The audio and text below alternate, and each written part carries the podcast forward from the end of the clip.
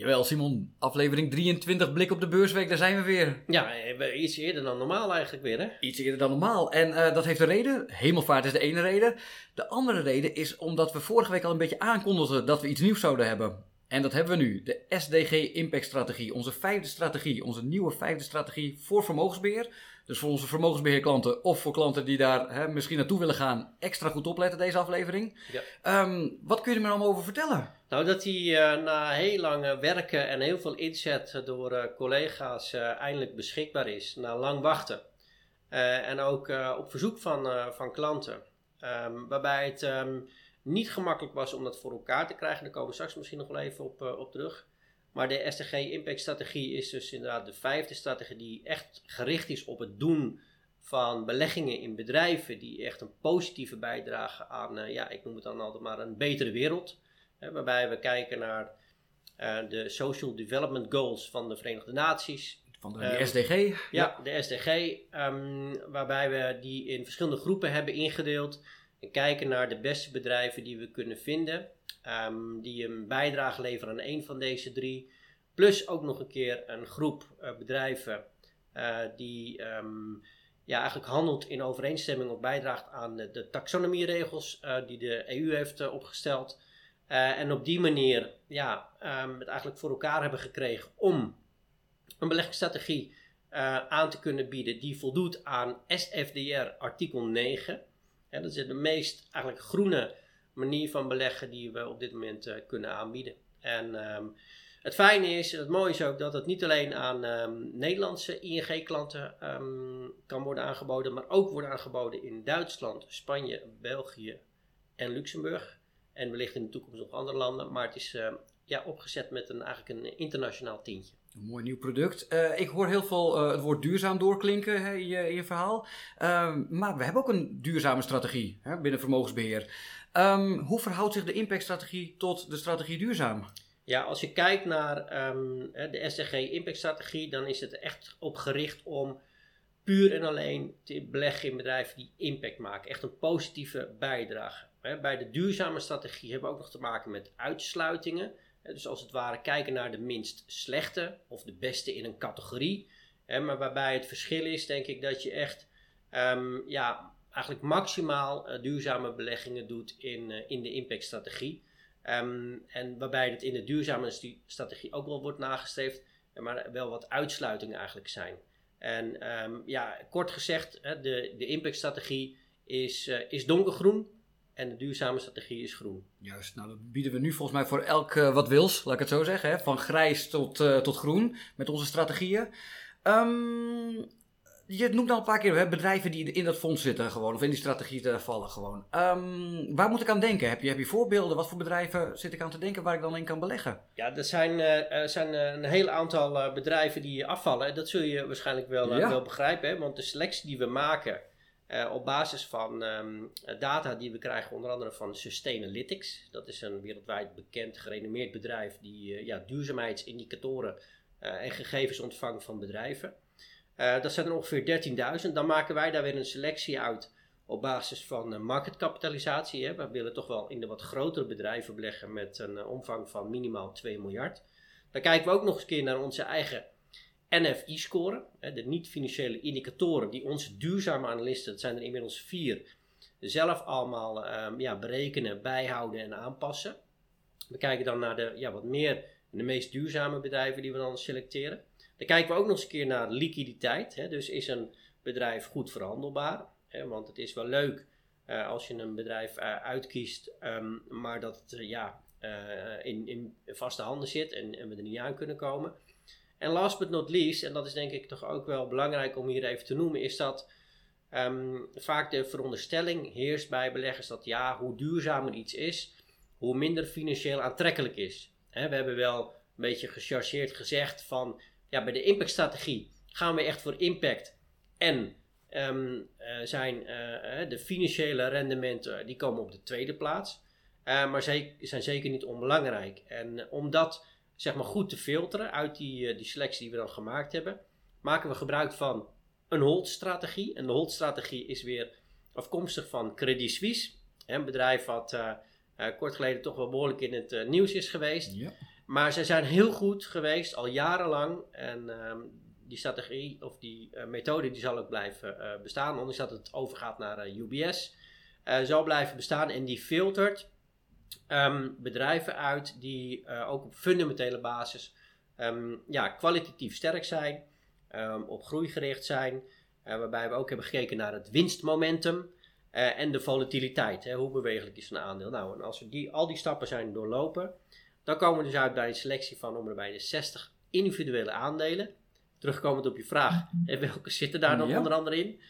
Uh, het zijn eerlijk gezegd niet heel veel Nederlands genoteerde bedrijven, maar twee die ik eruit kan lichten zijn bijvoorbeeld Signify, ehm, die in Amsterdam is genoteerd, en Arcadis, hè, een uh, industrie- uh, of een uh, ingenieursbureau. Signify van nou ja, ledlampen, om het zo maar simpel te zeggen. Ehm, ledlampen, ja, daarbij kun je wel voorstellen dat de manier waarop we met energie omgaan in de wereld, dat zij daar een positieve bijdrage aan leveren. En Arcadis helpt landen, ehm, regio's aan het veiliger maken van hun leefomgeving door bijvoorbeeld in Amerika mee te werken, maar ook daarbuiten, aan het, uh, ja, het tegenhouden van het, uh, van het wassende water, hè, van de rivierwater of, uh, of zeewater. Um, en dus ja, de wereld op die manier leefbaarder maken. Het zijn inderdaad, uh, nou, dat zijn dus die SDG's, het zijn er 17 volgens mij in totaal. Ja. Uh, dat is dus niet echt alleen uh, een groenere wereld, weet je, windenergie, dat, dat soort dingen allemaal. Het gaat ook om inderdaad gewoon eerlijke kansen voor iedereen, gelijke rechten tussen mannen en vrouwen, dat soort dingen zitten er ook allemaal in. Ja, en ja. ook een, op het gebied van gezondheid wil natuurlijk ja. dat er zo min mogelijk mensen ja, onnodig komen te overlijden in de wereld door gebrek aan bijvoorbeeld medicijnen. Dat is ook de reden waarom een aantal uh, van dat soort bedrijven zoals MGen, maar ook um, uh, wat zit er nog meer in? Biogen, Bristol Myers, uh, een aantal grote farmabedrijven deel uitmaken van, van de strategie. Toch ook zeker bekende namen allemaal voor, ja. de, voor de insiders. Ja. Um, zijn het alleen aandelen of zit er meer in? De, waarschijnlijk wel, maar wat, wat, wat zit er nog meer allemaal in? Nou ja, afhankelijk natuurlijk van het profiel. Hè? Want we hebben in dit geval hebben we vier risicoprofielen. Een defensieve die bestaat uit 70% obligaties, 30% aandelen een neutrale strategie 50-50. Uh, eh, dan kom je aan wat meer offensief, is het 70-30. En tenslotte eentje die voor 90% in aandelen belegt en 10% in obligaties. Binnen het aandelengedeelte hebben we de invulling uh, eigenlijk zoveel mogelijk gedaan middels individuele titels, hè, die ik net al noemde, ja. 60 uh, namen. Aangevuld met een aantal beleggingsfondsen, ook weer artikel 9 fondsen, uh, bijvoorbeeld voor um, de regio opkomende markten, want daar wil je toch een wat bredere spreiding ook hebben. Dat kun je dan niet voor elkaar krijgen met individuele titels, dus hebben we daar fondsen voor gekozen. En ook een wereldwijd fonds om onze tactische assetallocatie te kunnen doen.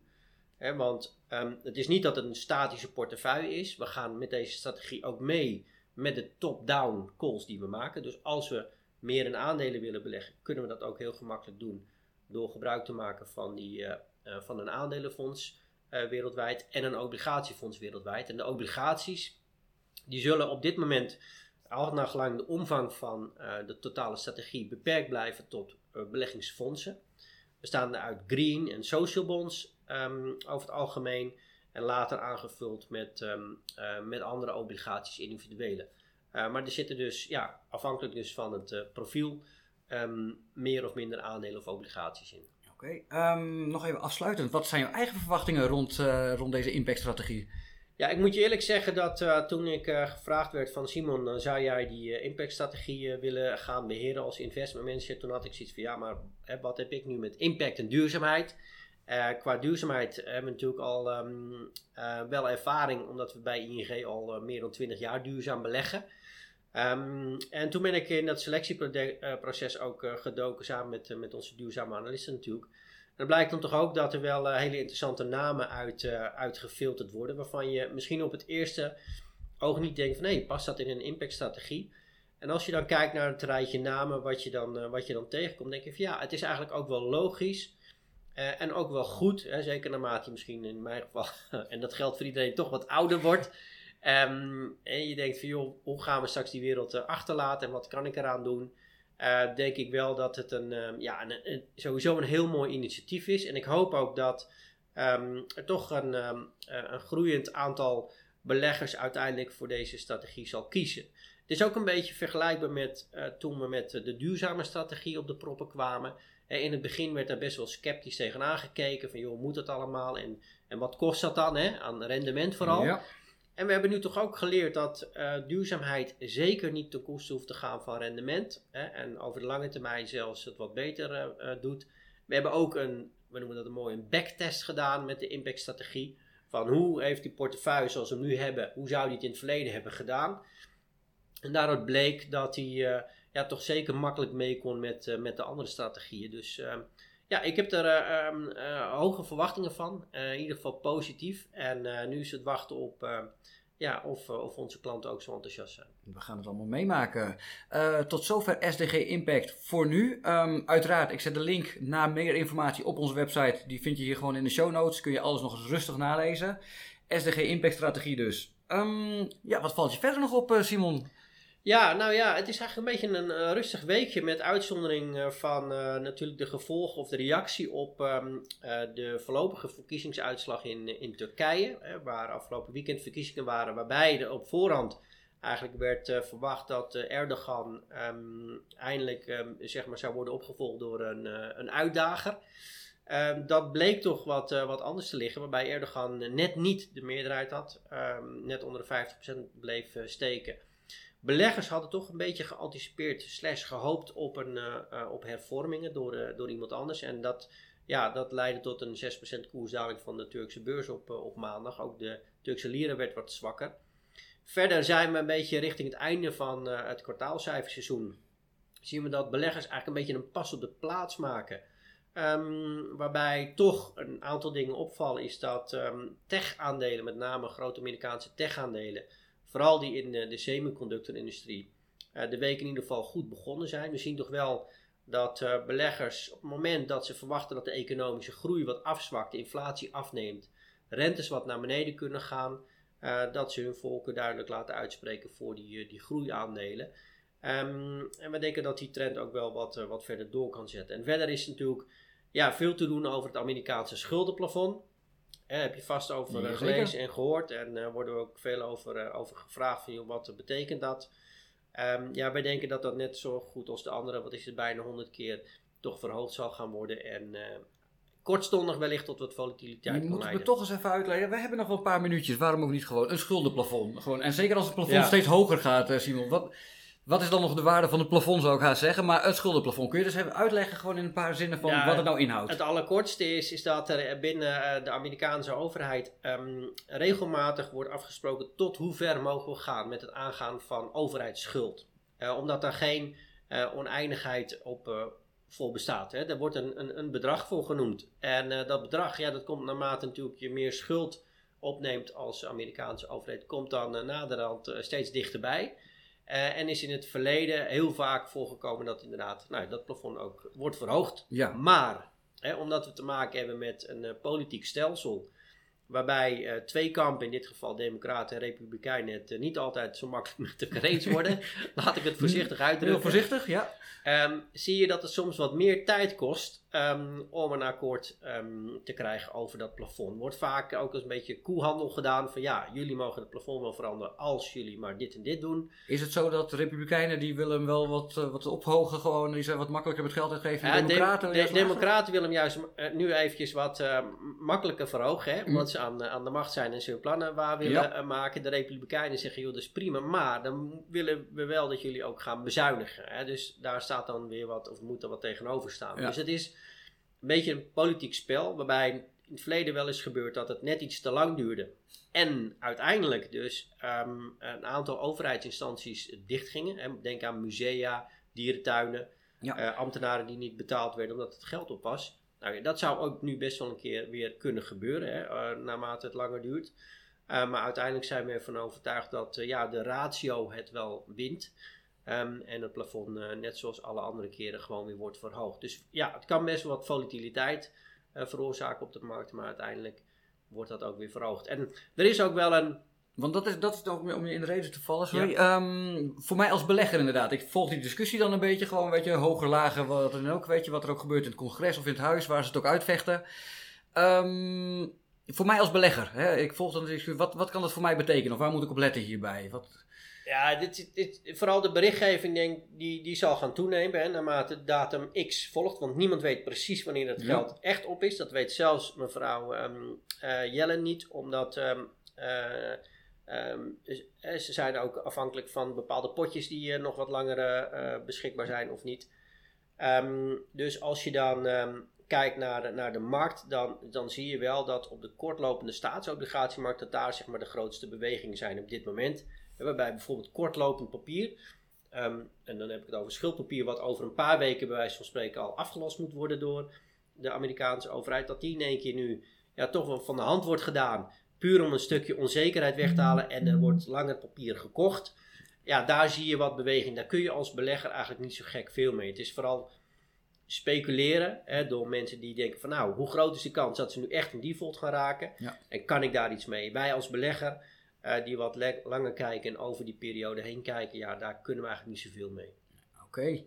Ehm, zijn er nog dingen op de eh, kwartaalcijferagenda wellicht? Volgens mij is die ook al redelijk aan het opdrogen. Ja, we hadden het net al over. Het kwartaalcijferseizoen uh, nadert toch, uh, toch echt wel zijn, uh, zijn einde. als we kijken naar de cijfers die, die we deze week nog op de agenda hebben staan, dan heb ik het bijvoorbeeld over donderdag en vrijdag. Nou, donderdag hadden we vorige week ook al gezegd. Hè, Walmart als um, ja, groot grutter in, in Amerika, de grootste grutter. Ja. Komt met cijfers Alibaba, Applied Materials, een sectorgenoot van ASML. En uh, bijvoorbeeld vrijdag. Uh, het lijstje voor volgende week heb ik eerlijk gezegd nog niet helemaal uh, goed doorgenomen. maar daar komen we volgende week vast op terug. Maar het nadert wel zijn einde, waarbij de conclusie is dat, ja, eigenlijk zoals altijd, en dat klinkt misschien een beetje flauw, maar ruim 75% van de Amerikaanse bedrijven de verwachtingen heeft overtroffen. Dus ja, de conclusie is dat analisten toch van tevoren weer iets te laag hadden ingezet. En ja, de de veerkracht van, uh, van Amerikaanse bedrijven, met name, maar ook van Europese bedrijven, toch sterker is gebleken dan, uh, dan sommigen vreesden. Een mooie positieve afsluiter van deze aflevering. Simon, dank je wel weer in ieder geval. Graag gedaan. En uh, ja, voor iedereen nogmaals, wie alles wil lezen over de SDG Impact Strategie, de nieuwe vijfde strategie in vermogensbeheer, de link vind je in de show notes. En Simon, ik spreek je graag weer volgende week. Tot volgende week.